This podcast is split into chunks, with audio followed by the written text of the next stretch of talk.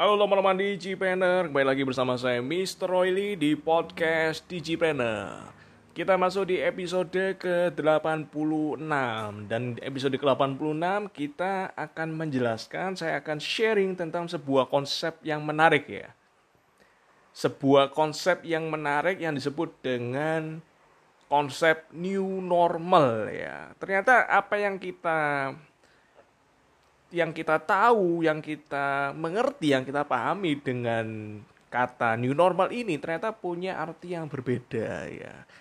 Arti yang berbeda dan ternyata bisa kita aplikasikan ya. Konsep new normal ini kepada diri kita sendiri. Kepada individu kita, kepada kita pribadi masing-masing ya. Gimana caranya? Silakan teman-teman dengarkan podcast Digipreneur episode ke-86 bersama saya Mr. Royli.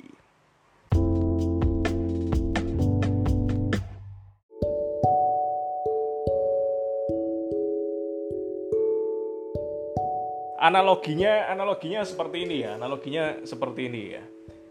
Kalau misalnya teman-teman sekarang ini. Sebenarnya saat yang pas untuk bisnis online itu ya saat ini ya. Saat ketika di mana kita susah banget untuk keluar ya. Susah banget untuk pergi ke mana ya. Ke mana-mana kita dibatasi. Tapi kita udah masuk ke zaman new normal ya. Nah kalau versi pemerintah new normal versi pemerintah itu seperti apa jadi cuci tangan, kalau misalnya keluar harus pakai masker, bawa hand sanitizer, itu new normal ya, suatu zaman new normal. Lalu kalau teman-teman keluar, teman-teman nanti perhatikan, di luar teman-teman itu juga normal yang baru, sesuatu yang belum pernah terjadi ya. Jadi kalau kita misalnya beli kopi, kalau dulu cuma satu cup, satu cup, sekarang literan.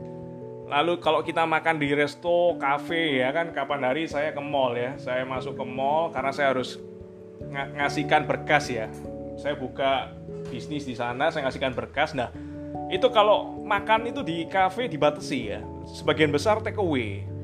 Lalu saya ke supermarketnya. Saya ke supermarket itu sebelum masuk supermarket itu dicek ya ditembak ya. Kaki yang namanya termogan ya dicek suhunya. Kalau suhunya terlalu tinggi nggak bisa masuk ya. Harus suhunya yang normal-normal aja. Setelah teman-teman belanja antri itu juga ternyata ada yang namanya normal baru ya cara mengantri yang baru yaitu dengan yang namanya social distancing nggak boleh berdekatan ya. Yang namanya antri nggak boleh dekat harus jauh-jauh ya. Jarak satu satu meteran. Nah kapasitas juga seperti itu. Saya perhatiin ya kafe-kafe udah udah beberapa yang buka ya. Waktu gara-gara ini normal ini. Dulu psbb sangat sedikit yang buka. Sekarang lebih banyak lagi yang buka. Tapi kapasitasnya dibatasi ya. Saya lihat juga yang namanya kursi lalu juga yang namanya tempat duduk itu 50% maksimal ya. Itu resto dan lain-lain. Ada pembatasan jumlah orang yang masuk. Gak boleh semuanya masuk di toko ya. Itu adalah new normal versi lingkungan teman-teman. Nah yang ketiga ini juga menjawab pertanyaan tadi. Kita juga harus punya yang namanya new normal versi kita sendiri ya jadi new normal itu ada yang versi pemerintah, ada new normal itu versi tem lingkungan teman-teman, versi company, versi industri. Tapi kita juga harus punya yang namanya new normal versi diri kita sendiri. Apa itu new normal versi diri kita sendiri? Contoh, saya pribadi. Basic saya pebisnis, saya pengusaha, tapi pengusahanya konvensional.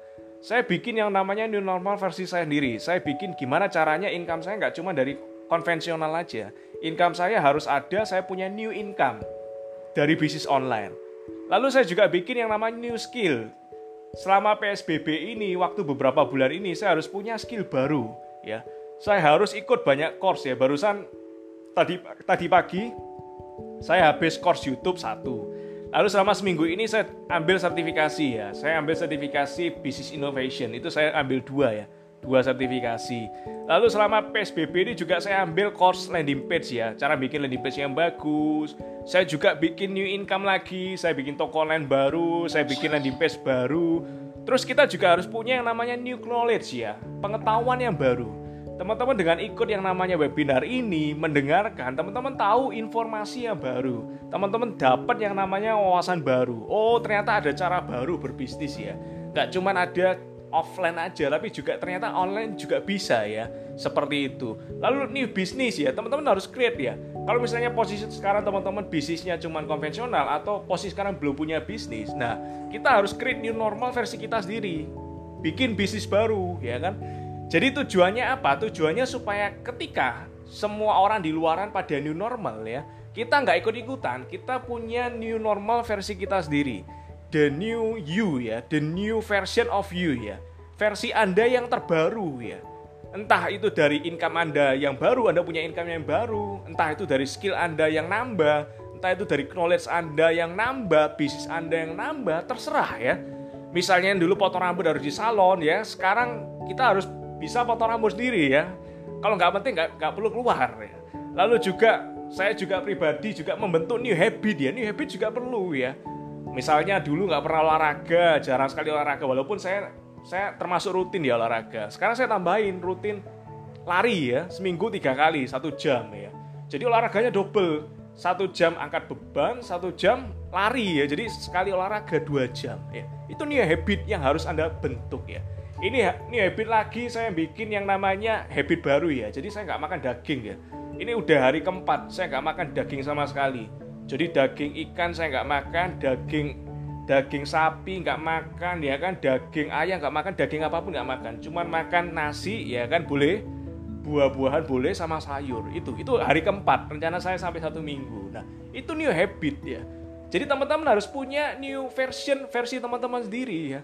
Entah itu skill baru atau habit baru.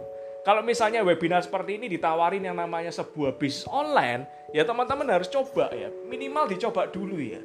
Apakah ini cocok dengan teman-teman atau enggak? Teman-teman nanti akan tahu ketika teman-teman sudah mencebur ya, udah masuk ke suatu new business atau new normal yang baru. Dan saya yakin apa yang saya sampaikan kali ini bisa membuat teman-teman mulai berpikir tentang konsep apa sih new normal versi kita masing-masing versi saya mas